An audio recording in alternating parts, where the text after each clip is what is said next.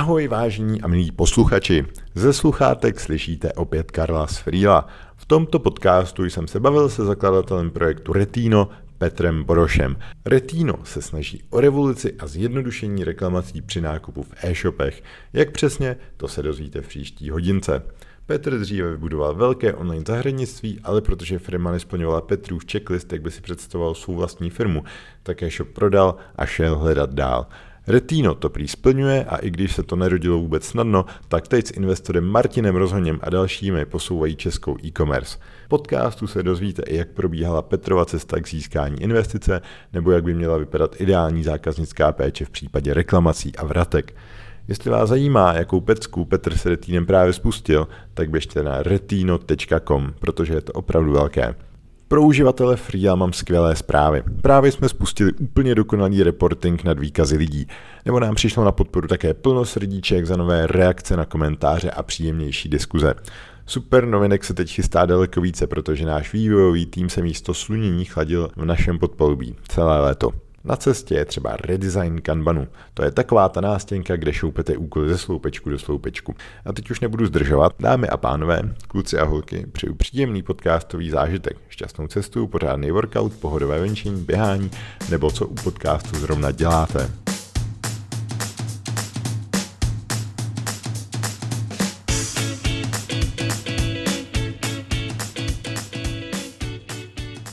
Petře. Ahoj.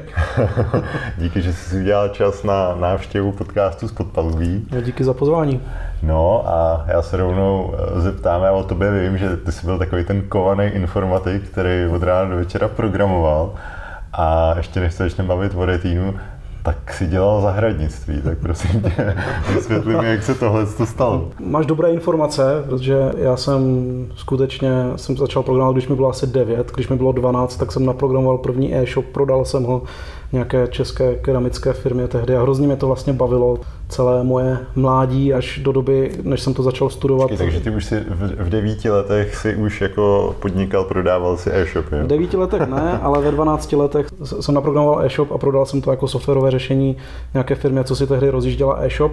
Vypadalo to úplně jako strašně, jo, ale taky to bylo nějaký rok jako 2002, jo, nebo něco. Hmm Tehdy Alza fungovala tak, že měla na internetu Excel s produktama a ty jsi jim psal e-mail, že chceš jako něco objednat, jo? takže, takže zhruba, zhruba taková byla doba. No já jsem tehdy naprogramoval e-shop, byl jako samozřejmě strašný, ale taky mi za to moc nezaplatili, takže... takže vlastně férový deal. Já jsem za to dostal tehdy asi 4 tisíce korun a koupil jsem si za to první kytaru. No. takže jsi ještě kytarista i? No, hudebník, no. Teď hraju na bicí zrovna v kapele. Hezky. No a vlastně se mnou se to takhle jako táhlo, ty počítače byly mi vždycky blízké a pak jsem to teda začal studovat, já jsem měl matematický gimpl a potom jsem to začal studovat v Brně na informatice. A tam mě to tak nějak jako přestalo bavit.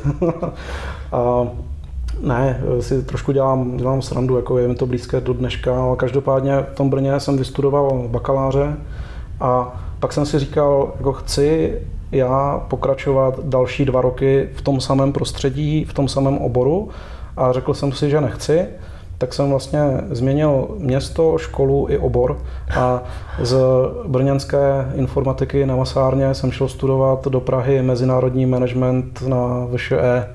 To byl takový jako velký posun. No a k té tvojí otázce, jak jsem se dostal k tomu, že jsem zakládal online zahradnictví. Jo. Já jsem na té VŠE potkal kamaráda Daniela Kříkala, se kterým jsme si tak nějak jako sedli. Většina těch lidí mířila do nějakých prostě korporátů a do, do, do Deloitu a do KPMG a takhle a bavili se jako spíš tady o těch věcech. A já jsem byl spíš vždycky takový jako podnikavější a vlastně s tím Danem, se kterým jsme se tam potkali, tak on byl naladěný vlastně úplně stejně. Takže jsme si hodně sedli a řekli jsme si, že chceme rozjet spolu nějakou firmu. No a byly nějaké pokusy, rozjížděli jsme toho několik, dva pokusy dopadly jako velmi špatně, z toho nic nebylo.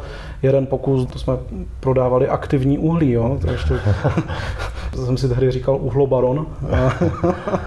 Počkej, a, aktivní uhlí, to myslím jako, že to je z lékárny. Aktivní uhlí no. může být i z lékárny, on, obecně to je, tomu se říká adsorbent, nějaká chemická, prostě za tomu vlastně moc nerozumím, no, ale používat to do filtru, jo, a buď si tím teda můžeš jako filtrovat střeva, nebo jo, Jo? A nebo eh, třeba, když máš nějaké klimatizace nebo cokoliv, jo? nějakou vzduchotechniku, a my jsme to prodávali do bioplynových stanic, jo, takže jsme byli vlastně dodavatel energetického průmyslu. a dělali jsme to jako, řekněme, dost na koleně. Jako bylo, to, bylo to takový nějaký jako první mini úspěch, protože ne, že by to byl velký biznis, to jako nikdy nebyl, ale už jsme na tom vydělali vlastně jako první koruny. No a potom jsme s tím Danem založili High Garden, což je vlastně online zahradnictví, funguje doteď.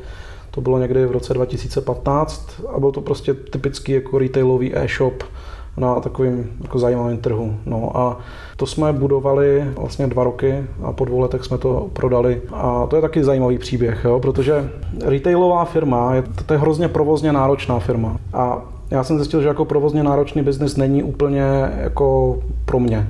Uh, jakože moc operativy, nějaký mm, změn. Mm, a... No, přesně tak. Pořád máš jako plnou tu agendu a jako jsi vlastně utopený vlastně v té operativě, jak říkáš. Ono samozřejmě se to dá, dá jako řešit, jo, ale u té malé firmy se to řeší jako dost blbě, když ještě jako nemáš prachy na to, abys vybudoval nějaký jako střední management nebo něco takového. Hmm. Ale co jsem chtěl říct je, že vlastně mě to vůbec nepřišlo tehdy takhle, protože ono po těch jako třech, řekněme, pokusech tohle byl jako biznis, který se odlepil, jo? že my jsme prostě první měsíc dělali jako nevím, 25 tisíc korun obrat, druhý 125, třetí 225, jako to prostě šlo nahoru a nás na tom jako hrozně bavil ten růst. Jo? A mě vlastně až po nějakých, řekněme, to bylo něco přes rok, jo? třeba 14 měsíců, a, tak já jsem najednou cítil pocit, já jsem seděl prostě u toho počítače v té práci a najednou jsem měl, já jsem tomu stavu říkal foggy mind, jo? jakože taková ta únava, neúnava, jakože nechce se ti spát, ale vlastně jako nemáš ani jako motivaci nějak jako hrozně do toho šlapat v ten moment a nějak, nějak se to prostě ve mně zlomilo takhle. A já si pamatuju úplně jak dneska, šel jsem tehdy v té době za Vojtou Ročkem, měli jsme u něho doma na terase nějaké pivo a, a tak mu říkám tady to, co teď říkám tobě. A Vojta mi říká, no, jsi vyhořelej. A já jsem si to tehdy jako absolutně nepřipouštěl samozřejmě, jo, protože já jsem viděl takového toho, takového toho Petra Máru prostě, co skončil v nemocnici, prostě jak říkal, a to já jsem vůbec nebyl jako nikde blízko jo, takovému stavu, tak jsem samozřejmě Vojtovi říkal, blbost, jo, prostě nejsem vyhořelej a on, hm, tak nejsi, no, ale máš všechny příznaky. Jo. A já jsem vlastně tehdy začal o tom trošku jako uvažovat a došlo mi, že vlastně za těch 14 měsíců jsem měl jako nula dní dovolené a ze dne ranem jsem vlastně udělal rozhodnutí, že odletím do Makedonie prostě na dva týdny a budu tam poustevničit.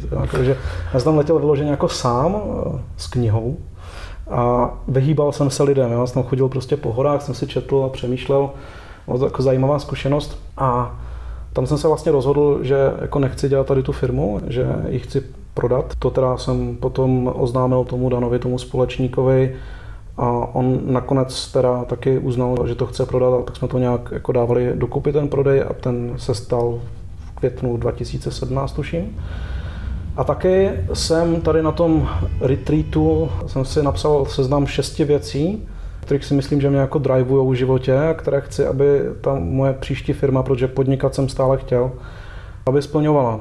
No a vlastně Retino jsem budoval tak, aby to jako zaškrtávalo všechny tady ty boxy a pravidelně se k tomu vracím a jestli to pořád jako zaškrtává. A... Uh, co to jsou ty věci, těch, jestli si se podělíš? Hele, já se o to, zrovna včera se mě na to někdo ptal, a já se o to podělím, ale ne takhle v podcastu, to znamená, někdo, kdo nás třeba poslouchá, tak pokud mě někde jako uvidí třeba nebo to, dáme pivo, tak se o tom rád pobavíme. Já jsem jako v tomhle otevřený, ale... Okay. No a potom vlastně, když my jsme prodali ten, ten High Garden, tak já jsem nebyl jako moc chytrý v tom, že já jsem vlastně i hned skočil do té nové firmy. To, co běžně člověk udělá, že když vydělá takhle nějaké jako peníze, tak si třeba na půl roku prostě nějaký oraz někde odcestuje nebo něco a já jsem to jako neudělal.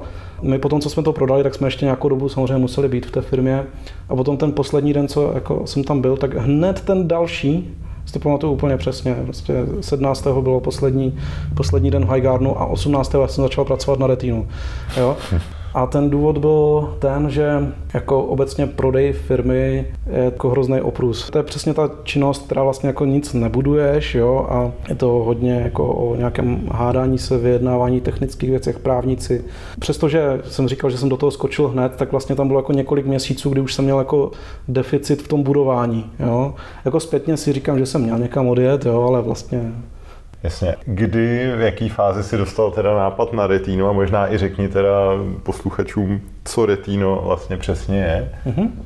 Retino je software pro e-shopy, kteří s ním můžou řešit zpětné procesy, to znamená vracení zboží a reklamace. A víceméně, jako představ si cokoliv, co se dá řešit v reklamacích a vratkách, ať už jako na straně zákazníka nebo e-shopu, tak my na to pravděpodobně máme nějaké řešení. Ten nápad vzniknul tak, že já jsem v únoru 2017 byl na obědě, tuším, s Petrem Hajdučkem, což je zakladatel Foodshopu, velmi úspěšný český e-shop. A já jsem mu vlastně jako říkal, že teda už vím, že budu prodávat tu firmu a co jako bych potom mohl dělat. Že mi dává smysl jako dělat software, což je to, co jsem, jako, co mi vždycky bylo blízké a co nějakým způsobem jako i zaškrtávalo všechny ty boxy, o kterých jsme se bavili před chvilkou. Ale současně že by mohl být právě pro e-commerce, protože to je něco, kde jsem měl tu zkušenost, prostě sám jsem eh, spolu řídil ten e-shop, vím, jak to vypadá a tak jsme tak nějak jako diskutovali prostě nad nápady, co by se tak dalo dělat. A ten Petr říkal právě něco, co se týkalo jako reklamací. Nebylo to úplně přesně to, co teď děláme, ale byla to nějaká jako první jiskra, která potom mi to jako začalo šrotovat vlastně v té hlavě a tím, že bylo ještě několik měsíců toho eh, procesu prodeje, tak jsem měl možnost o tom hodně přemýšlet a nakonec teda vzniklo z toho Retino a dneska už válčíme nevím, tři roky a používá to tisíc e-shopů z šesti zemí mm-hmm. a je to, je to fajn. No. Super, je to fajn, usmíváš se, vypadáš spokojeně, vy jste nedávno vlastně dostali investice a takovéhle věci. Ale řekni mi, jaká byla ta cesta, protože většinou jako roztlačit neznámou značku, produkt, který třeba nikdo ani nevyhledává vlastně v tu chvíli. Nejspíš asi i ty reklamace byly vnímané jako taková přítěž a nejradši by ty e-shopy ani ty produkty vlastně nebrali zpátky, kdyby to šlo podle mě. Tak já byla ta cesta, já trošku vím, že se to nerodilo snadno, protože hmm. jsme spolu chodili pravidelně jednou za půl rok, tak jako na oběd. Jak bys to dnešníma očima zhodnotil? Je to úplně přesně, jak říkáš. No. Já bych tam rozlišil jako dvě roviny. Jo. Ta jedna rovina je, že obecně, když buduješ software as a service, což my jsme, tak je to jako těžké v tom, že ty máš vlastně velkou investici na začátku, protože musíš vytvořit prostě celý ten produkt, což je jako obrovský jako fixní náklad. Ti zákazníci jako přibývají, že jo, velmi pomalu. Ono to postupně nabaluje a to je zase jako super věc na tom, na tom SaaSu, že ty vlastně v pondělí uděláš nějakou práci a ona tam v úterý pořád je a ty můžeš dělat prostě v úterý další práci a postupně to je taková jako sněhová koule, která se čím dál jako zvětšuje ale prostě na začátku to není sněhová koule, jo? to je mm-hmm. jako nějaká vločka tam prostě jako uvnitř. Která doufá, a že nedostaje. přesně tak, ten začátek v tomhle byl těžký, no ale Jakože dneska samozřejmě my derivujeme nějaké to firemní štěstí nebo dobrou náladu z toho, že prostě ten zájem z toho trhu tam je a že ti zákazníci jsou s tím prostě spokojení, že máme prostě třeba naprosto minimální churn rate, jakože málo zákazníků nás opouští, jo. A, ale dřív prostě to tam nebylo a třeba jako ten první rok fakt tam muselo být takové to jako budovatelské jako nadšení, jo, že vlastně něčemu věřil, že něco nějak bude ale vlastně ten trh ti ještě moc jako neříkal, jako jestli to tak skutečně je a musel prostě si to odmakat a věřit. No a tohle je jedna rovina teda, to si myslím, že jako prakticky stejná pro jako veškerý jako software as a service. Potvrzuji. Druhá rovina je, že ten obor, co jsme jako dělali, nebo děláme stále, tak přesně jak si říkal, jo, tady já tady vnímám obrovský posun za ty poslední tři roky, protože když jsem ten trh obcházel v tom roce 2017, tak mě ty, mě spousta e-shopů mi říkala, no počkej, ale ty chceš jako zjednodušit ty vratky jako pro ty zákazníky? To nedává jako vůbec smysl, ne? My chceme, ať to je co nejvíc jako složité pro ně, ať prostě nevrací. A já jsem se jim snažil jako vysvětlit, hm, víte, jako když jako to bude oprus pro ně, tak oni už u vás jako nenakoupí nikdy, jo, a to vlastně je docela jako krátkozraké. A přijde mi, že tohle se hrozně změnilo za ty tři roky. Jo? Že tehdy jsem to fakt slyšel, neřeknu ti asi přesné číslo, ale třeba od poloviny prostě e-shopů tady v té jako malé střední velikosti. Dneska už to neslyším prakticky vůbec. Jo, takže ty e-shopy to pochopili. Další typická věc, jakože my nebudeme rozmazlovat zákazníky. Jo? Já přemýšlím úplně jinak. Jo? Jakože tady prostě nějaký marketplace, tady nějaké jako tržiště, na jedné straně jsou ty zákazníci a na druhé straně jsou ty e-shopy. Jo? A ty zákazníci si prostě jako vyberou to, kde dostanou nejlepší produkt za nejlepší cenu s nejlepším komfortem okolo. Když se podíváš na to, co je ty největší e-shopy, tak ten servis je tam prostě super. Jo? A často. Není tam třeba jako nějaká ještě správná míra, protože když jako asi tady v tom komfortu půjdu úplně nejdál, třeba co mě napadne zůd, že jo, a jeho fungování s těma vratkama, že si hmm. lidi mohli naobjednat první, poslední a zbytek nám přivezte zpátky, hmm. tak to je za tebe pořád v pořádku a nějaký hmm. komfort, anebo si myslíš, že to už je tu máč? Myslím, že to je správná otázka. Myslím, že vždycky vždycky bys měl hledat jako to, co je jako nejlepší pro ten tvůj konkrétní biznis. To znamená, pokud to, co jsem tady říkal, působilo tak, že mějme se všichni jako rádi a dělejme prostě první, poslední pro ty zákazníky, dokud, se, dokud nerůstají štěstím, jo?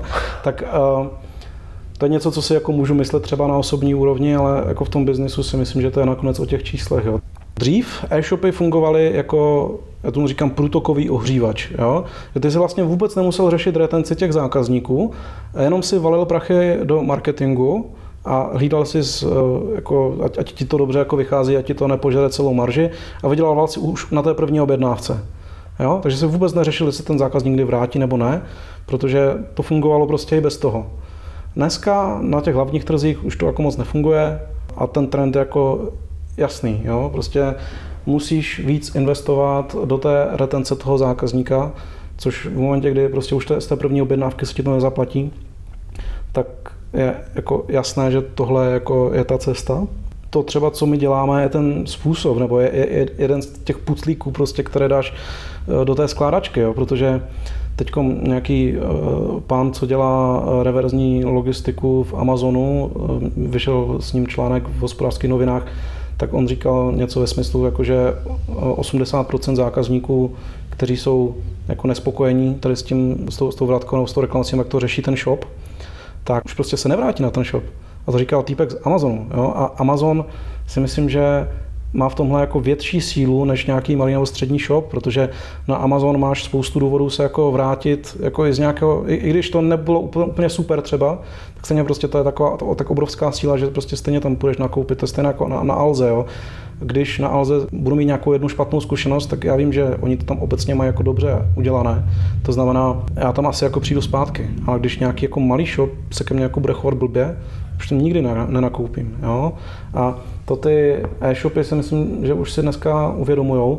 A ještě ztratím slovo o Zootu, protože tohle je přesně otázka, kterou jsem dostal od Executive e-commerce se to jmenuje, myslím, vydává to Shopsys. Je to hrozně dobré, mimochodem, je to, myslím si, že jako top literatura prostě tady, tady v tomhle oboru, tady toho typu. Oni mají ještě každou středu teda Exec Fresh newsletter, jenom. Jo, jo, jo. A myslím, že oni to dělají s lidma z toho z Fenku, ne? Jirka Vicherek a, a tak.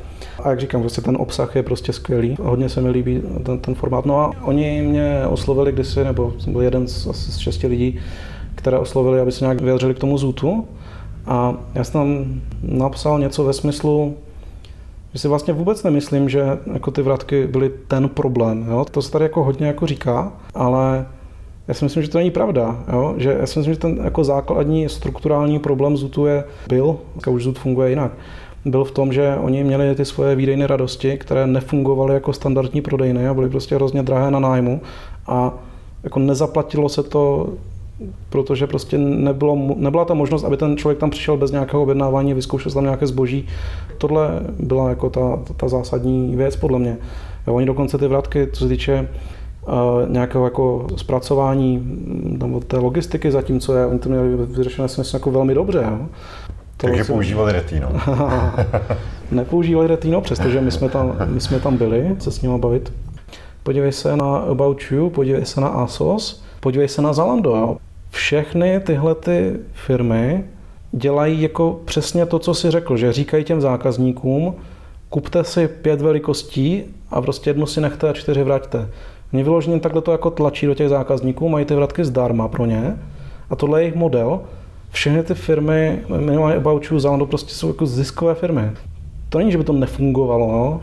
ten problém si myslím, že byl někde jinde prostě. Uh-huh. OK.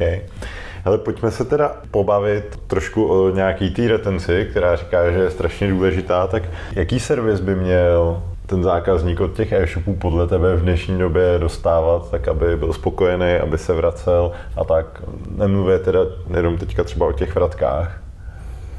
Tak já nevím, jak moc jsem kompetentní v jiné oblasti, jo, než, než tady v těch jako zpětných, zpětných procesech. Jako co se týče těch vratek, tak my tam vnímáme dvě takové oblasti, které jsou jako úplně klíčové pro toho zákazníka. Jedna je nějaká informovanost, jo? že vlastně u spousty e-shopů, my když jsme dělali velký test vracení loni, tak jsme se snažili zjistit, jak jako na tom tady ten trh je. Třeba polovina těch e-shopů vlastně jako vůbec nedává vědět, co se děje jako v průběhu toho procesu. A to je nejenom jako špatně pro toho zákazníka, ale nakonec špatně i pro ten e-shop, neboť ten zákazník, když jako neví, tak on zavolá do toho e-shopu. No, to je prostě jako náklad samozřejmě pro ten e-shop. Daleko jednodušší by bylo, kdyby ten e-shop prostě poslal nějaký mail, jo, a to jich ani nemusí být moc, tam jsou nějaké body prostě v tom procesu, kde ten zákazník by měl být informován. A to prostě polovina e-shopu jako nedělá. A myslím, že to je úplně zbytečné a jenom se tím škodí. Jo. Další věc je zpětná doprava. Je to zase téma, které pro ty zákazníky je hodně aktuální ve smyslu, že, že chtějí prostě, aby ten, ten e-shop jim s tím nějak pomohl. A někteří zákazníci dokonce jako očekávají, že ten e-shop jim to zaplatí, jo? což některé e-shopy dělají, některé ne. Já si myslím, že tady je to na tom, aby si to ten e-shop jako vyzkoušel, jestli teda mu to dává smysl nebo ne.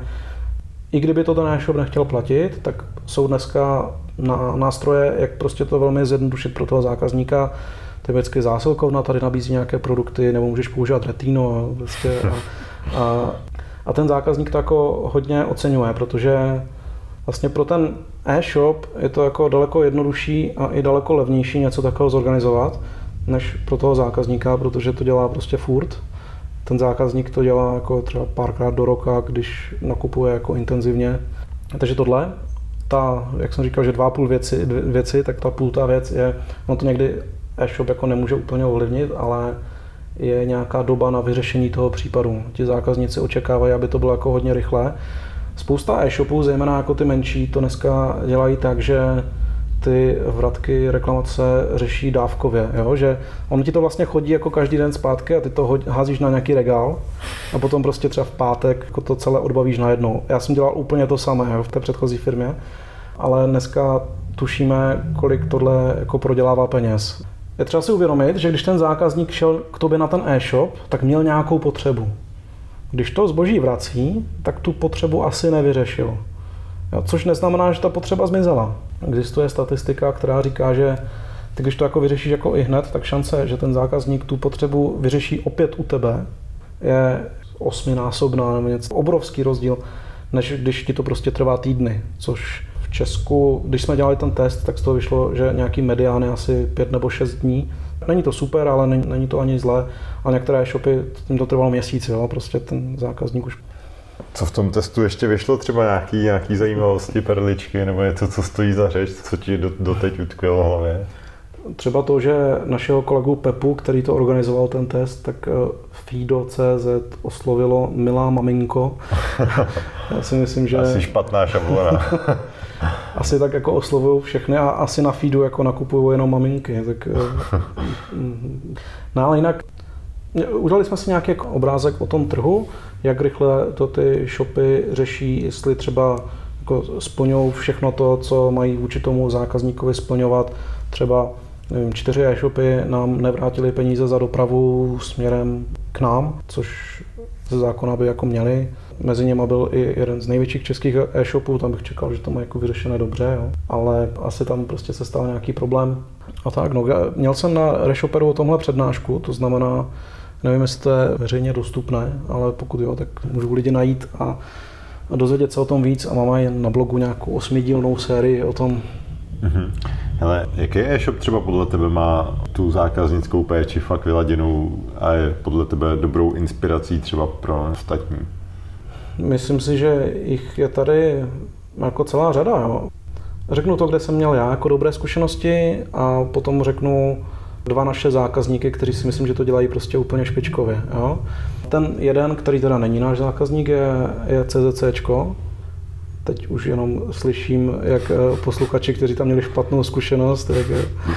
Já bych se taky k něčemu přihlásil asi, jo. Ale mně se stalo prostě kdysi, že oni něco zvrtali při expedici, jako neposlali mi laptop prostě tehdy, když měli poslat. My jsme tehdy nějak jako odjížděli někam prostě a chtěli jsme mít jako ten laptop jako sebou a už to prostě jako nevyšlo časově, kdyby to poslali o den později. Oni normálně jako poslali s příbrami tehdy do Nového Jičína jako auto. Tam to dovezli takhle.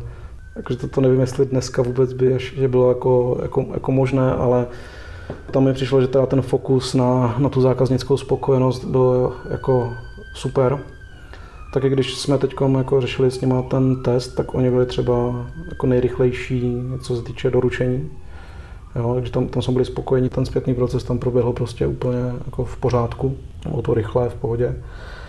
No a mám dva takové naše oblíbené zákazníky, kteří si myslím, že dělají jako výrazně jako věci nad rámec, než by museli. Jo. Jeden je Top Gal, to je firma, co prodává batohy, nebo on, oni je vyrábějí. Z Šumperka, myslím. A oni u reklamací poskytují náhradní batoh. Jo. Prostě tady, když se něco jako pokazí, tak oni na svoje náklady k tobě pošlou prostě auto, jako nějakého kurýra, který vyzvedne ten batoh a ještě to udělají tak, že jako na jednu transakci oni ti dají ten náhradní a vezmou si ten špatný a pak prostě, jakmile to opraví, tak se tohle stane ještě jednou. Ty zase jako vrátíš ten náhradní a dostaneš ten svůj opravený zpátky. Jo, takže podle mě je ten proces musí stát hrozně peněz, ale pro toho zákazníka je to úplně jakože... To je špička teda za mě. super, jo. Další eh, příklad je od Karla.cz, což je firma, za kterou stojí zajímaví lidi. Karel no. nějaký. no, Karel ne, ale Honza a Lubor a Petr. Ostřílení harcovníci jako eh, české podnikatelské scény a e-commerce. Oni dělají, eh, od Karla.cz je shop s v podstatě jako second hand zboží, jo? nebo bazarovým zbožím, nebo ně, něco takového. Ty často na tohle zboží jako ani nemusíš poskytovat jako standardní prostě podmínky, co máš jako na normální zboží, hmm. takže oni by třeba často ani nemuseli jako přijímat to zboží zpět, když se to zákazníkovi nelíbí, ale oni to dělají, je to vyloženě jako jedna z jejich propozic a často ani nechtějí potom zákazníkovi, aby to zboží zaslal zpět, takže oni mu nechají zboží a vrátí mu peníze. A já když jsem to viděl, tak, tak jsem říkal, jo, hele, nezneužívaj toho, a, ale mě tehdy řekl Lubor, hele, my máme retino prostě, jo, to, to nám řekne, pokud to jako zneužívají nebo ne. Takže my to máme nějaký, nějakou jako historii zákazníka, kde ten e-shop se může podívat, co teda se tam dělo, jestli, jestli prostě desetkrát nakoupil, desetkrát vrátil, tak takovým zákazníkům už to jako ne, nepovolujou, tam už to jako vždycky chcou samozřejmě zpátky. Jo, ale pro zákazníka, který se chová úplně normálně, tak eh, dělají prostě tady tenhle jako super servis, to je jedna věc. A druhá věc, oni jsou neskutečně rychlí.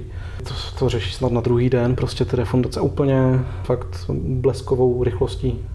Tak to jsou dva zajímavé příklady rozhodně. Já bych se vrátil zase ještě zpátky k retínu na chvíli teda. Tady teďka vlastně vyjmenoval i nějaký funkce, že to hlídá podstatě zákazníky a kam třeba směřujete, jaký chystáte novinky. Já jsem, já jsem dokonce zahlídnul na LinkedInu nějaký svůj příspěvek, že chystáte nějakou trošku revoluci. Spouštíme teď nový eh, produkt, říkáme tomu Retino Portal. A vlastně jak jsem, jak jsem mluvil o tom, že Retino používá tisíc e-shopů z šesti zemí, teda většina z nich je z Česka, tak eh, Tady těch e-shopů je jako daleko víc, že? Třeba jenom v Česku jako... Ne, se říká, dalších 30 tisíc. 40 tisíc, ano. Prostě ten náš produkt, který máme teď, tak uh, řeší nějaký problém, řeší ho dobře a řeší ho pro, te, pro těch tisíc shopů. A my jsme na základě jako té zkušenosti, co máme a na vnímání toho trhu, udělali nový produkt, Retino Portal, který ho prostě řeší pro těch, ten zbylých 39 tisíc. A o co tam jde, je to, že když se podíváš na velké shopy, jo, třeba na, na Amazon, tak pro toho zákazníka to tam funguje tak, že když zákazník chce řešit nějaký jako problém, tak řekne, hele, tady ta objednávka prostě, s něco špatně, tady ten produkt chci vrátit. A Amazon řekne, není problém, tady máš zpětný štítek, prostě odnes to někam jako na, na, na parcel shop nebo někde.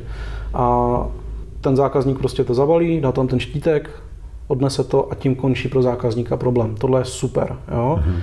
Dneska většina shopů to řeší tak, že má na webu PDF nebo Wordovský dokument eh, formulář pro odstoupení od kupní smlouvy a adresu, kam to máš poslat a zákazníku starej se. Jo, i když říkal jsem většina, už spousta třeba jako používá tu záslukovnu, jo, nebo retino, nebo takhle, mm-hmm. ale pořád tohle, tohle je standard. A my si myslíme, že ten trh jde tím směrem toho Amazonu a Retino portál je způsob, jak vlastně dodat tady tuhle zkušenost zákaznickou libovolně velkému e-shopu a na pár kliknutí. Jo. To znamená, udělali jsme to tak, ať ta integrace je fakt, jako, že to zvládne neprogramátor prostě za, za minutu a ať ta zkušenost pro toho koncového zákazníka je prostě stejná jako na těch velkých shopech. A nejlepší věc na tom je, že to je úplně zdarma pro ty e-shopy. Jo, takže my si myslíme, že tohle vlastně bude nějaký nový standard v tom vracení zboží respektive už to vidíme u těch velkých shopů a teď chceme dát prostě úplně všem shopům možnost jako dohnat to zadarmo a bez jakýchkoliv investic. Mhm. Takže jestli to chápu správně, tak já jako zákazník nějakého, řekněme, no-name shopu, mm-hmm. když budu chtít reklamovat, tak lezu jenom na nějaký portál Retina. Mm-hmm tam zadám nějaký svoje číslo, vyplivne mi to štítek, dojdu do, do zásilkovny a jsem hotový. Přesně tak. Ten portál bude integrovaný přímo v tom e-shopu, to znamená, ty jdeš, ty jdeš na ten e-shop, nebo ono to umí to, že když ti e-shop posílá uh, třeba fakturu uh, při expedici zboží, tak v tom mailu přímo je odkaz, jako chci reklamovat tohle zboží. A ty jenom to klikneš prostě a jak říkáš, dostaneš prostě štítek, někam to odneseš, nebo dokonce tam máme takovou prémiovou službu, která teda stojí nějaké peníze, ale to funguje tak, že k tobě, pokud jsi v Praze, do nějakých deseti minut k tobě přijede auto, vezme ten produkt. Do deseti minut? Jo. Nemusíš ho, nemusíš ho balit, jenom prostě, já nevím, chceš vrátit prostě telefon, tak ho dáš jako do igelitky nebo do něčeho prostě. Do deseti minut je u tebe auto, takhle předáš prostě igelitku a ten problém pro tebe zmizí. Jo? A celý ten jako oprůz na tom backendu prostě vyřeší Retino a ten shop už za tebe. To je docela zajímavá reklamace. Takhle bych si to představoval v roce 2020. Já si myslím, že tohle je určitě budoucnost. Dneska teda pořád třeba tady ta, ta logistika toho jako je hodně drahá. Jo. To znamená, udělat tady ten servis, aby byl skutečně jako takhle, takhle, takhle dobrý, tak je to, je to dost drahé. Ale myslím si, že v logistice jako přijde třeba během deseti let nějaká zásadní jako inovace, která to hrozně zlevní a potom to bude prostě úplně standard, Jasně. úplně všude. Tady ten slib do 10 minut, to jako od 8 do, do 18 nebo 24, 7 nebo... A Přijde mi to hodně těžký garantovat, totiž když jde jenom o Prahu, ale stejně.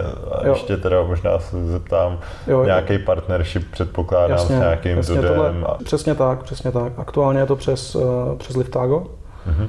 A myslím si, že ten jejich jakože medián dojezdu je asi 6 minut Jo, my tomu zákazníkovi říkáme jako do 30, ale jako zatím to bylo jako vždycky do 10. Mm-hmm. Jo, je to hrozně, hrozně rychle. To aktuálně nabízíme jenom v nějaké jako svozové okna, eh, protože on to pak někdo musí samozřejmě zpracovat na té druhé straně. A to se o půlnoci dělá blbě, to ještě neumíme. Takže funguje to jako jenom v pracovní dny, v nějaké rozumné časy, jo. ale Jasně. A funguje to dneska, funguje to dobře. Já už vlastně nakupuju na jiných obchodech než na našich zákaznicích, protože když budu řešit jako nějaký ten zpětný ten, tak jako nechci jiný servis než tady tohle. Jasně. Ale já bych se teďka chvíli chtěl pobavit ještě o investici, kterou jste dostali. Protože jsme se potkávali fakt každý půl rok, asi po dobu dvou, nevím, možná tří let a ty jsi mi vždycky říkal, ale už je to na spadnutí, teď už vlastně a tak nějak se to furt oddalovalo a vím, že to nebylo úplně jednoduché, tak jestli se chceš podělit o tvojí zkušenost, já nevím, s hledáním investora, proč si třeba investora chtěl, proč si ho nechtěl. Jo, my třeba na, na Freelu víme zatím, že chceme mít nějakou svobodu, autonomii a, a budujeme to bez investora, tak mě zajímal třeba tvůj pohled na věc, co ti to vzalo a jaká teda byla ta cesta. No, eh, byla trnitá, ale nakonec si myslím, že jsme jako došli na to nejlepší místo, na které jsme mohli dojít. My jsme prošli Startup Yardem, což je že tady největší nebo nejznámější lokální startupový akcelerátor.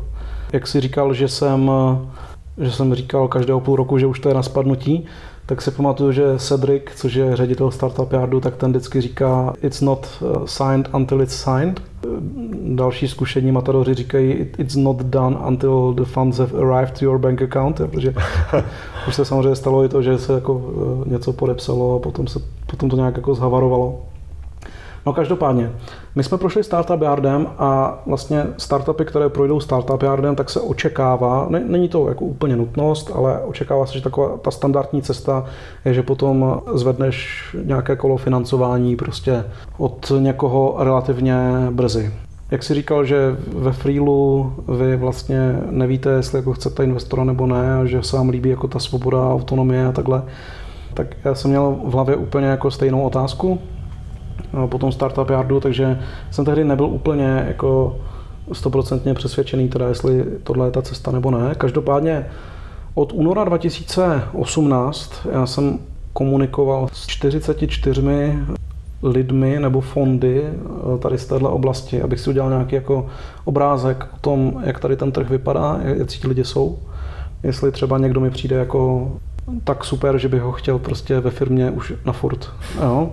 Takže to byl nějaký jako začátek, to trvalo nějakou dobu a během té doby jsme se rozhodovali teda ve firmě, jestli, jestli chceme jít do té investice nebo ne. No a někdy v září 2018 jsme si řekli, že jo. A rozjeli jsme nějaké vyjednávání s Crowdberry, což je crowd investingová firma československá, za kterou stojí hrozně fajn lidi jo, a my jsme se tam nějak domluvili, dali nám úplně jako eh, štědrou valuaci, bych řekl, ze kterou jako bylo spojeno spousta podmínek, ale obecně jako to vyjednávání dopadlo dobře. A potom, když jsme rozjeli tím, že to je crowd investing, takže oni vlastně musí eh, sehnat na to investory z té své platformy, tak jsme rozjeli nějakou kampaň a snažili jsme se teda uzavřít to kolo a ono se to hrozně dlouho táhlo. Pořád tam byly jako signály, že to jako jde dobrým směrem, ale šlo to hrozně pomalu tím směrem. Což si myslím, že je trošku já vlastně jako ne, nevím, nevím, jak bych tomu mohl jako víc pomoct prostě ze, ze, svojí, ze svojí strany. Jo? A vlastně ani nevím, jak by tomu víc mohlo pomoct to Crowdberry, protože myslím, že oni dělali vlastně dobře tu svoji práci. Jo? A, tak... A jakože, jenom abych tomu mm-hmm. rozuměl, ono se nedařilo sehnat ty investory z té platformy teda, nebo? Dařilo, my jsme vybrali, řekl bych, vyšší desítky procent té, té částky, ale potřebovali jsme celou tu částku, jakože tak to bylo nějak od začátku postavené, že potřebujeme prostě překročit nějakou, mm-hmm. nějakou část, aby se to prostě celé jako začalo uzavírat. No a vlastně když jsi startup, který je jako hrozně mladý, tak pro tebe není úplně jako super být takhle jako v té nejistotě a řešit tady ty věci, které vlastně nemáš tak úplně jako pod kontrolou a nepomáhají vlastně růstu té firmy. Jo. To byla vlastně jedna věc. A druhá věc byla, že tím, jak je to Crowdberry strukturované, tak tam byly nějaké podmínky typu, že třeba jsme museli zřídit board ve firmě a to si myslím, že u takhle malého startupu není úplně dobře, jo, ale oni na tom trvali a jinak ty podmínky byly jako pro nás, pro nás dobré, takže jsme s tím souhlasili, ale vždycky nám to jako vrtalo v hlavě, jako jestli tohle je vlastně jako to nejlepší, co to. No a v jeden moment jsme si řekli, že jako vlastně se chce nás jako pohnout rychleji, že nám tady jako něco utíká na tom trhu. A tehdy jsem se potkal s Martinem Rozoněm, se kterým jako my jsme se znali už asi dva roky tak nějak jako čas od času jsme se potkávali, diskutovali jsme prostě to Retino. On tím, že je z e-commerce, tak je mu to tak jako velmi blízké to téma. I dříve jsme se jako bavili o té investici a pak v jeden moment prostě jsme, já jsem mu říkal, hele, pojďme, pojďme to zkusit jako vymyslet prostě spolu. Tak jsme to nějak jako vymysleli zhodli jsme se na nějaké valuaci. Ta byla teda, musím říct, nižší než na tom Cloudberry, ale zase ty podmínky, jako ta investice, co, co k tomu byly, tak byly, řekněme, hodně jako founder friendly a hodně odpovídající té situaci a té velikosti té firmy. Takže to si myslím, že nakonec jako je to nejdůležitější, že v momentě, kdy podepíšeš jako tu investici, tak ta valuace už jako tolik vlastně jako neznamená. Je to možná nějaký signál pro další investory, ale jinak to vlastně je úplně jedno. Když to ty podmínky prostě tam pravděpodobně budou už jako furt, jo, nebo většinou, neříkám, že to je nutné, ale většinou, když děláš další kolo, tak potom se ty podmínky jako spíš zhoršují, než zlepšují, protože v tom prostě je na stole víc peněz, investoři si chrání víc rizik jo, a neříkám, že tak musí být, ale, ale to je jako typické. No a my jsme se nějak jako velmi rychle mm, dohodli a potom jsme hledali ještě prostě dalšího angel investora k sobě, protože Martin říkal, že chce tam ještě někoho, kdo dá jako stejné množství peněz jako on. Nebo ještě bych měl říct, že toho kola se účastnil taky Startup Yard, který vlastně už do nás investoval předtím, během toho, jak jsme se akcelerovali v tom programu, tak on tím, že vlastně dva roky tu firmu prostě jsme nějak budovali v ten moment. Oni nás jako sledovali samozřejmě, asi se jim to líbilo, takže chtěli se účastnit i toho dalšího kola. Takže v tom kole byli tři, Startup Yard, Martin Rozoň a ten třetí byl Jirka Hlavenka. A ten se vlastně dostal tak, že, jak říkám, Martin chtěl ještě jednoho, jednoho angel investora, kdo tam dá stejné množství peněz jako on. A tak jsme uvažovali, kdo. Jo? A myslím si, že když si poskládám ten příběh jako zpátky, jako všechny ty kroky, tak to je jako hrozně zajímavý příběh, jo? protože já jsem Jirku poznal tak, že tady v Praze existuje nějaká, nějaký takový spolek, to se jmenuje něco jako spolek jihomoravských krajanů v Praze, nebo, nebo eh, přátel Brna, nebo něco takového prostě. Jo? ne, úplně nevím přesně, přesně jak se to jmenuje, ale nějaký takový jako, uh, mě to hrozně překvapilo, jakože jak, jak jsem o tom slyšel poprvé. No a tady ten spolek dělá v Praze nějaké akce, jo.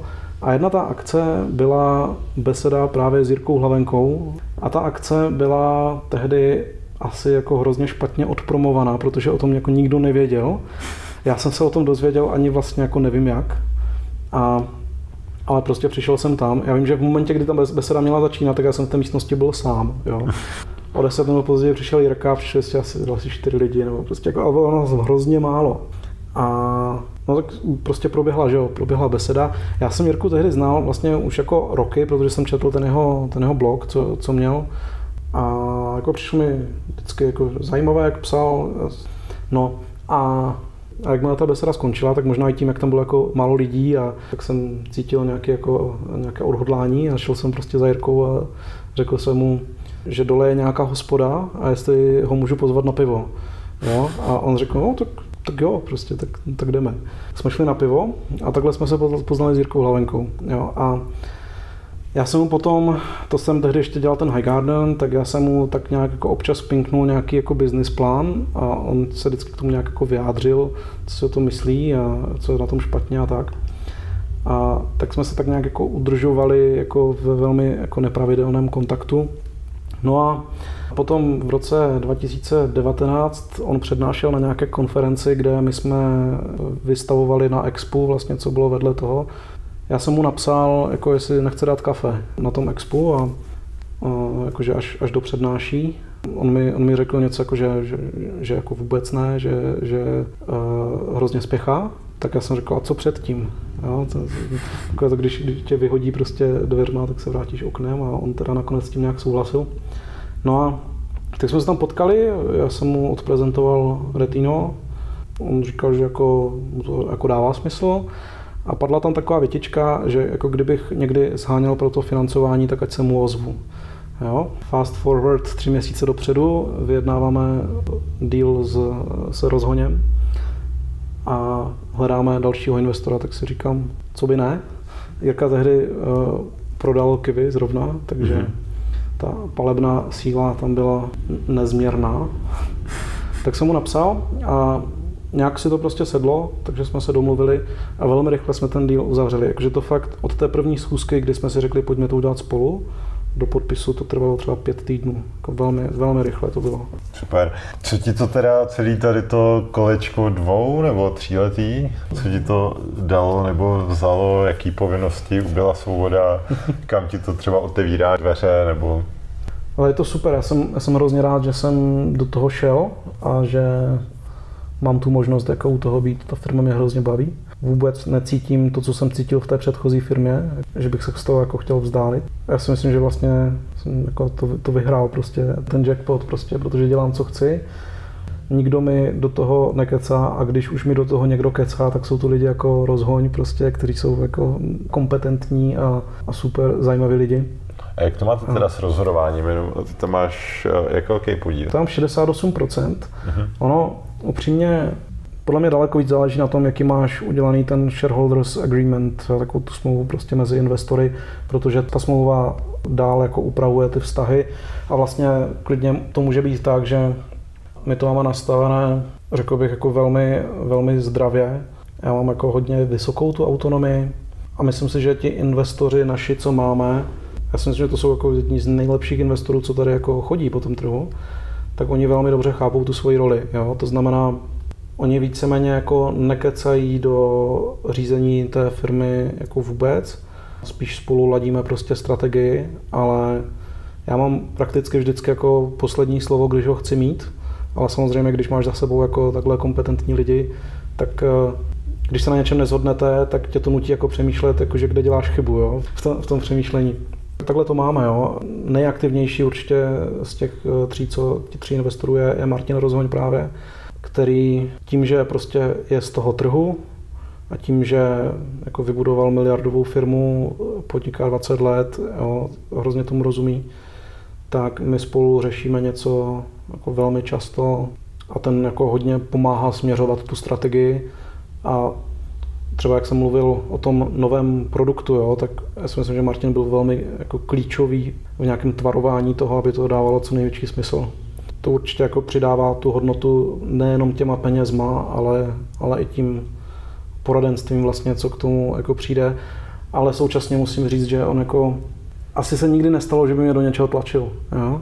Vždycky jako nechává tu autonomii, ono to asi nakonec je nejlepší, nebo pro mě, pro mě určitě to takhle vyhovuje když se na něčem třeba nedokážeme shodnout, tak to vypadá ta diskuze tak, že já říkám, no takže jestli tomu dobře rozumím, tak ty chceš, abychom udělali toto. A Martin mi řekne, no já chci, aby ty, ty jsi pochopil, že to chceš taky. Jo. a to je prostě, to je prostě super. Jo. Dostáváš hodně jako toho, toho signálu, ale ve skutečnosti potom je na tobě, jako co s tím uděláš. Tak to byla velice svěžná recenze na Martina rozhodně. Já teda jsem na něj slyšel chválu i od jinů, třeba Martin Sekonej a tak. Hele, uh, jenom v rychlosti za Retino ještě tady, jako samozřejmě nějaká investice vás musela nakopnout, posunout a museli jste díky tomu hodně vyrůst. Ale dal bys ještě nějaké doporučení, něco, co vám třeba zafungovalo, díky čemu jste povyrostli. Já vím, že jsme se kdysi obavili o marketplaces a že si vlastně letěl i někam do Francie, když jste dělali deal s PrestaShopem, abyste byli jako nějaký mm. oficiální doplněk a tak, tak byly třeba marketplaces, věci, které vás jako někam vyhouply, nebo jo. co třeba byly nějaký klíčové eh, věci pro Retino? Jo. Marketplaces jsou určitě jeden jako z klíčových elementů té naší distribuce. Nejvíc úplně to vyletělo v momentě, kdy jsme vstoupili na ShopTet Marketplace, že jo, to je tady největší prostě lokální platforma. Tam tehdy zafungovalo dohromady eh, jako spousta věcí, jo, že vlastně ty hvězdy se zarovnaly tak, že eh, všechno proběhlo správně. A jako byla tam spousta fuck jo, ale ten výsledek prostě zafungoval. Jedna z těch klíčových věcí byla, že my jsme byli vlastně jeden z prvních doplňků vůbec těch externích na tom marketplaceu. Oni na tehdy teprve stavěli, otevírali a budovali a od těch shopů tam byl velký hlad jo, po tady těch jako externích službách. Takže to si myslím, že nám jako hrozně pomohlo, protože tam, byl fakt boom, jo, že v momentě, kdy jsme tam vstoupili, tak prostě se stovky e-shopů prostě jako hmm. registrovaly prakticky hned. To je velice a... častý, to, že takový ten správný timing u hromady věcí, to už v podcastu říkal tolik lidí.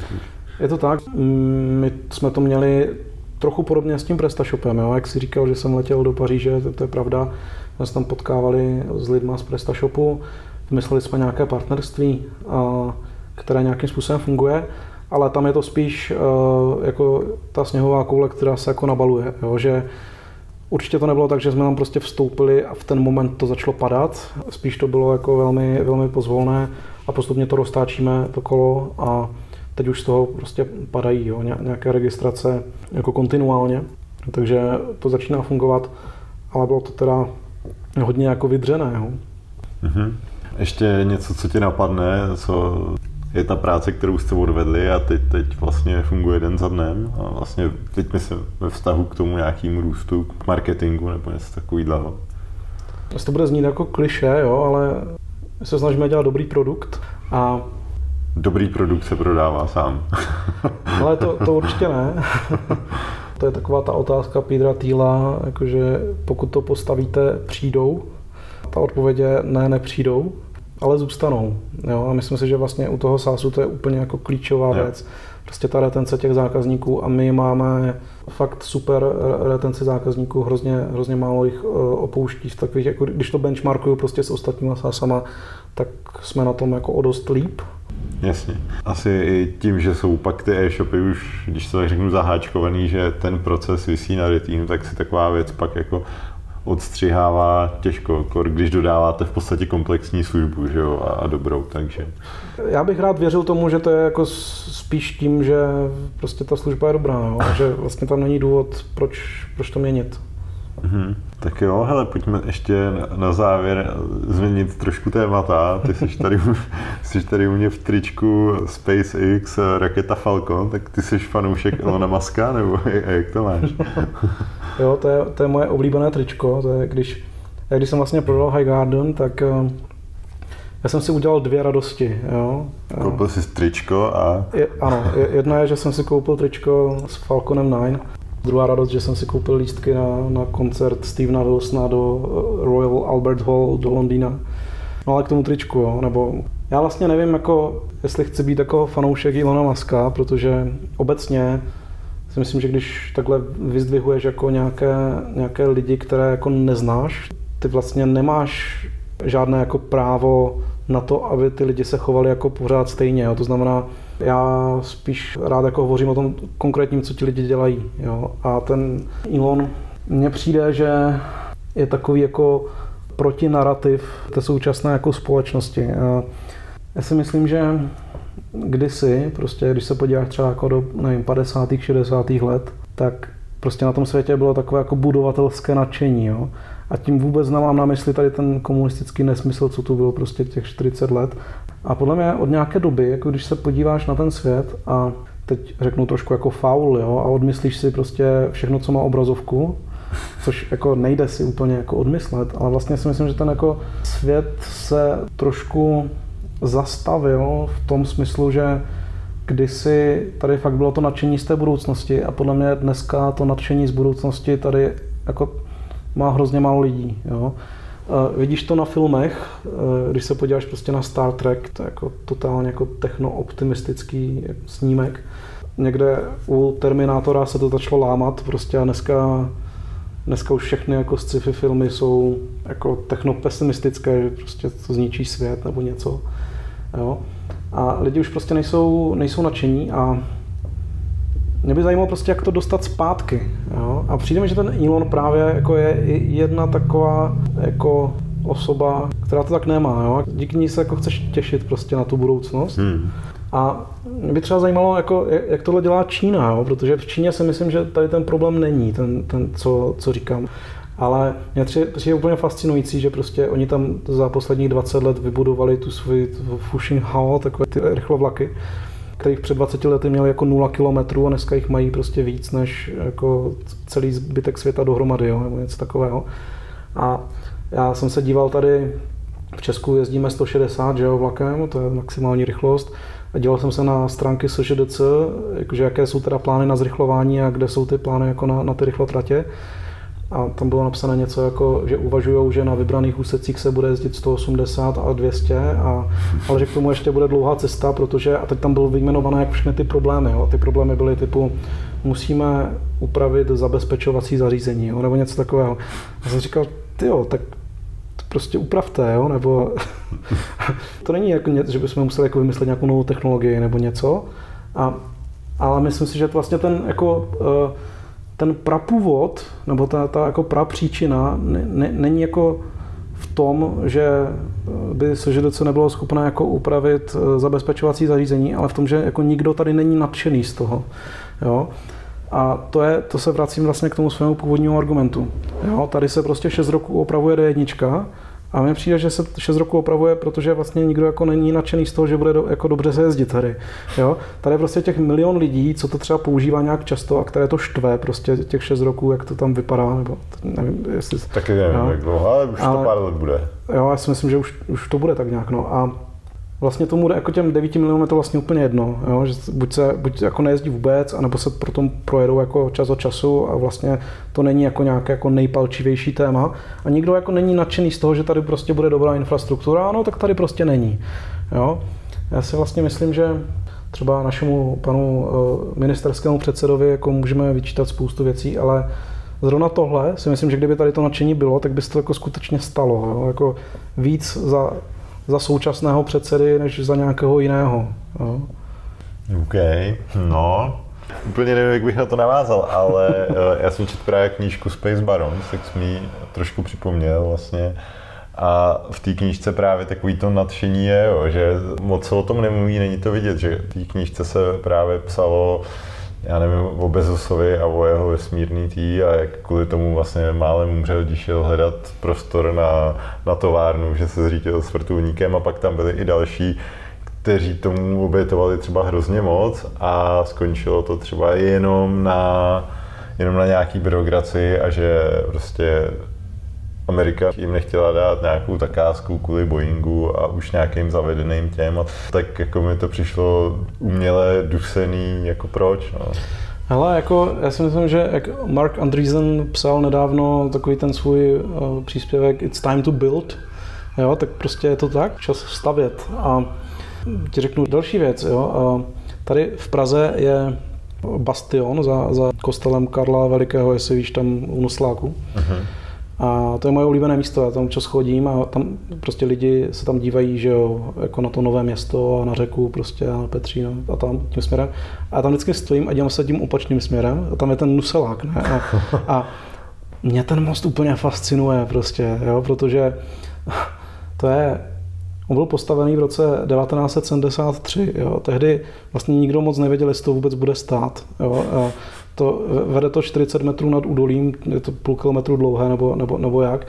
A jezdí tím těžké metro sovětského typu. Tehdy prostě nic takového nebylo nikde. A oni to jako postavili a ještě to jako postavili v podstatě jako nad střechama jako lidí, jo, že eh, tam asi bylo nějaké jako riziko, jo, že třeba jako nemusí výjít.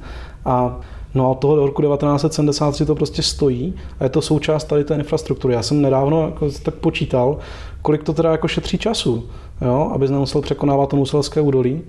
A tím mostem prostě denně projede autem 100 000 lidí, metrem asi půl milionu, prostě, nebo nějaké, prostě takové čísla. A každý den to ušetří jako 19 člověkolet. Jsem jako přišel na to. Jo. A za těch 50 let skoro, co to jako stojí, tak to ušetřilo prostě jako třeba 8 nebo 9 tisíc produktivních životů.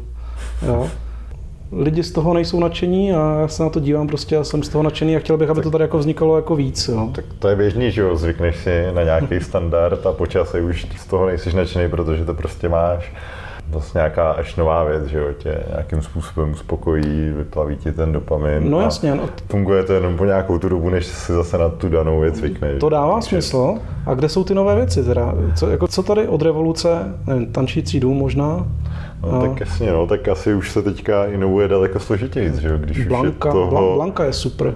Mm-hmm, jo. Ale jinak okruh není jako dostavěný, jo, a jako to, že se tady přemalují cyklostezky prostě, tak... Jako z Prahy se do Ostravy taky nejede nic moc, když nejedeš třeba pendolínem, teda, no, když jsme u těch No jako jasně, no, já, já, to jezdím zrovna docela často a pendolínem to máš, jo, prostě tři hodiny což jako není úplně blbé, jo, ale prostě má to být jako 40 minut.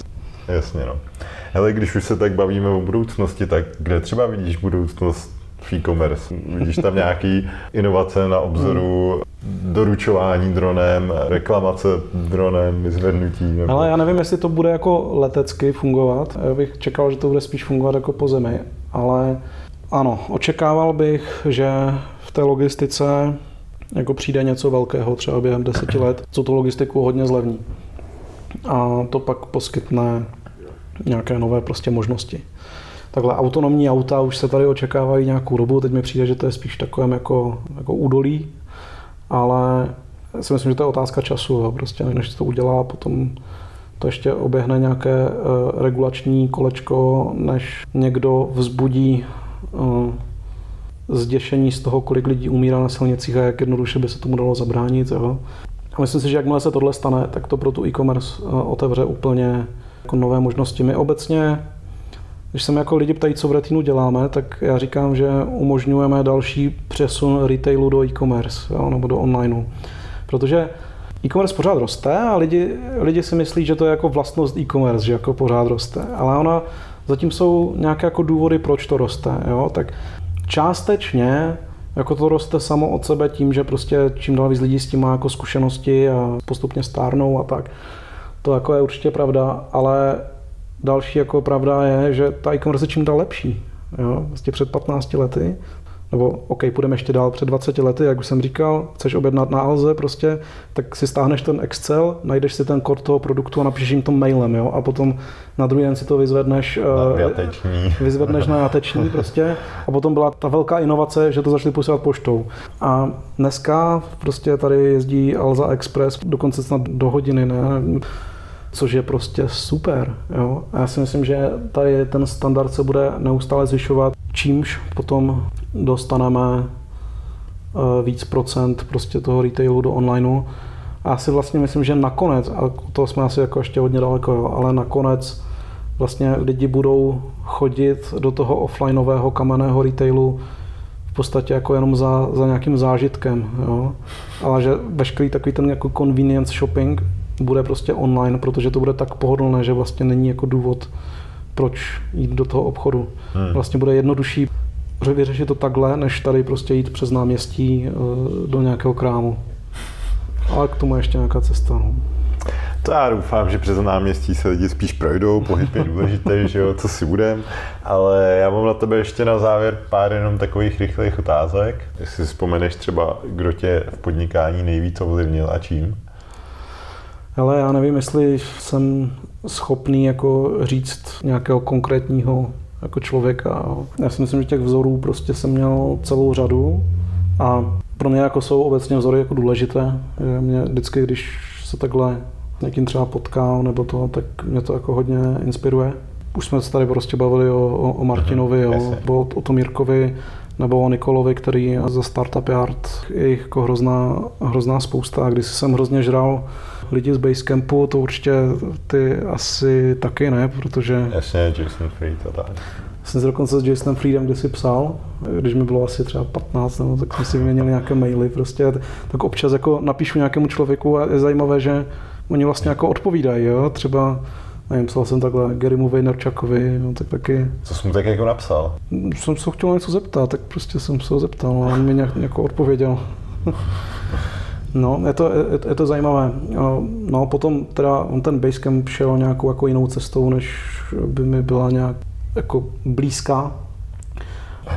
Hele, bavili jsme se o sci-fi, že, hmm. že vlastně už nejsou inovační, ale řekni mi tvoje nejoblíbenější sci-fi.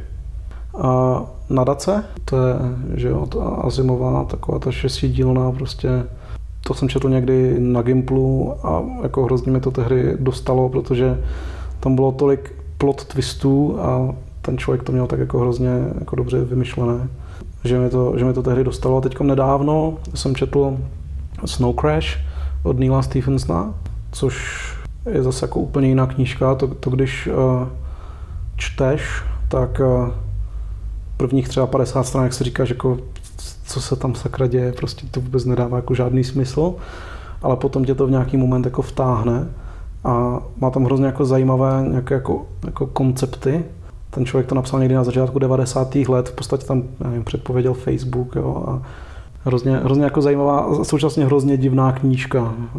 Mm-hmm, super, dobrý typy. Jinak uh, sci-fi není můj úplně nejoblíbenější žánr, můj nejoblíbenější žánr jsou dystopie. Co, což je zajímavé, když před chvilkou jsem orodoval za technooptimismus, že? A, ale tam, že jo, takové to typické prostě kvarteto Většina lidí říká, že tři typické zástupce prostě dystopických knížek jsou, že jo, 1984 od Orwella, Brave New World od Huxleyho a Fahrenheit 451 od Bradburyho. A ona je tam ještě čtvrtá knížka a to je eh, Atlas Shrugged od Ayn Rand, ale lidi to tam nezařazují, protože to má asi 11 stránek malým písmem a jako na počet slov je to delší než všechny díly Pana prstenů, Hobbit a Silmarillion dohromady. Já jsem to přečetl někdy loni a jakože byl, byl to nářez docela. Ale jsem to... nevěděl, že jsme oni dlouhou dovolenou, to jsi neříkal. to bylo o Vánocích. a tak tyhle, ty, tyhle ty čtyři knížky se mi jako hrozně líbí. No. Hmm. Ale zmiňovali jsme tady třeba Elona a tak, ale kdo je podle tebe úspěšný? Asi ten, ten, kdo je svobodný, jo, a, a to je nějaká moje jako hodnota docela a to si, já si to definuju tak, že svobodný si tehdy, když si rozhoduješ vlastně o vlastním kalendáři sám, jo. Možná spoiler, jak, jsem, jak jsme se bavili o těch šesti věcech, jako co chci, aby ta firma prostě splňovala, tak jedna věc byla, aby mi jako umožňovala žít jako svobodně, což si definuju tak, že si rozhoduju o vlastním kalendáři. Ne, neznamená to to, že prostě sedím tady na Jiřáku prostě celý den a uh, popím aperol, jo, ale... To bys měl zkusit někdy. Já to někdy zkouším, jo. ale že prostě mám v tom kalendáři to, co tam chci mít a takový člověk si myslím, že je na té osobní úrovni šťastný. Potom máš tu jako meziosobní úroveň, jakože s ostatníma lidma, a na to se mě zeptej, eh, až budu mít vlastní rodinu 10 let a co si o tom myslím potom. Dobře. A nechceš ještě teda zaspojovat o něco víc z těch šesti věcí? No dobře. Um, tak ještě jednu dáme. Um, chtěl jsem pracovat, jo, no, bude znít jako velmi banálně, ale když si to jako rozmyslíš úplně jako do detailu, tak zjistíš, že to je hrozně hluboké. Jo? A mm-hmm. ta věc byla, že jsem chtěl pracovat s dobrýma lidma. To ti přijde jako, že každý přece chce pracovat jako s dobrými to, to je prostě jasné, ale ve skutečnosti to podle mě vůbec jasné není. A ve skutečnosti si podle mě musíš hodně jako přesně vybrat ten biznis, co chceš dělat, abys tady tu jako možnost měl. Myslím si, že jako spousta biznisů jako v sobě má jako inherentně to, že tam jako nebudeš mít jenom lidi, ze kterých jsi jako ze všech nadšený. Hmm. Jasně, jo, to, je, to rozhodně podepisuju. To, takhle se snažíme třeba Freelo taky budovat, jo, že jsme se do té práce těšili jeden na druhýho a tak podobně. No. Tak no a tak ještě možná na závěr schválně, kdybys měl možnost na tu naší opravenou D1 mít celoroční billboard, tak co bys na něj dal? Byla by to výzva k tomu budování budoucnosti, anebo, nebo bys tam dal něco jiného? Hele, asi jo, asi to, to by byl jako horký kandidát. A ještě jako druhá věc, kterou bych chtěl jako vidět víc ve společnosti je, jako, jak jsem mluvil o té svobodě, tak pro spoustu lidí to není hodnota. Jo? A já si myslím, že to je jako naprosto úplně zásadní hodnota, která podmiňuje spoustu dalších věcí. Jo? A já si myslím, že by pomohlo, kdyby lidi, když řeknu, aby lidi byli víc sobečtí, tak to bude znít blbě, jo? ale to není, to není, jak to myslím. Aby lidi víc jako si uvědomili, že oni vlastně mají kontrolu jenom sami nad sebou. Jo? A můžou jako rozhodovat prostě o svém štěstí. Ale v momentě, kdy tam jako vstoupí nějaký další člověk, tak já už vlastně jako nemám jako právo od toho člověka jako vyžadovat, aby prostě se nějak jako choval. A já nemám právo mu říkat prostě, co má dělat. Ono potom si myslím, že to funguje i ve vztazích takhle, jo, že když se dívám okolo sebe, tak prostě ty nejlepší vztahy mi přijdou, že fungují jako na tom, že jako ten jeden se chce jako chovat nějak k tomu druhému, protože prostě tak jako sám se chce chovat a není to jako nějak jako postavené na tom, že ten druhý prostě něco nějak vyžaduje, jo? nebo no, no, jestli, jestli, mm-hmm. jestli to dává smysl. A ještě, že tohle je vlastně taky docela jako hluboká věc. A že vlastně se to trošku jako vytrácí prostě, vytrácí z toho světa, že každý si myslí, že má jako na něco nárok a ve skutečnosti si myslím, že ne. Jo, to dává smysl. No jo, jo, super. Hele, tak moc díky za rozhovor, přivoď s vám s Retínem daří. Díky moc. Díky, že jste to poslechli až sem. Máte fakt výdrž. Jestli se vám podcast líbil, tak mi uděláte velkou radost, když to někde nazdílíte, olejkujete nebo hvězdičkujete. Aby vám neutekly příští díly, tak si dejte odběr ve vaší oblíbené podcastové aplikaci. Spod se loučí Karel z Freela.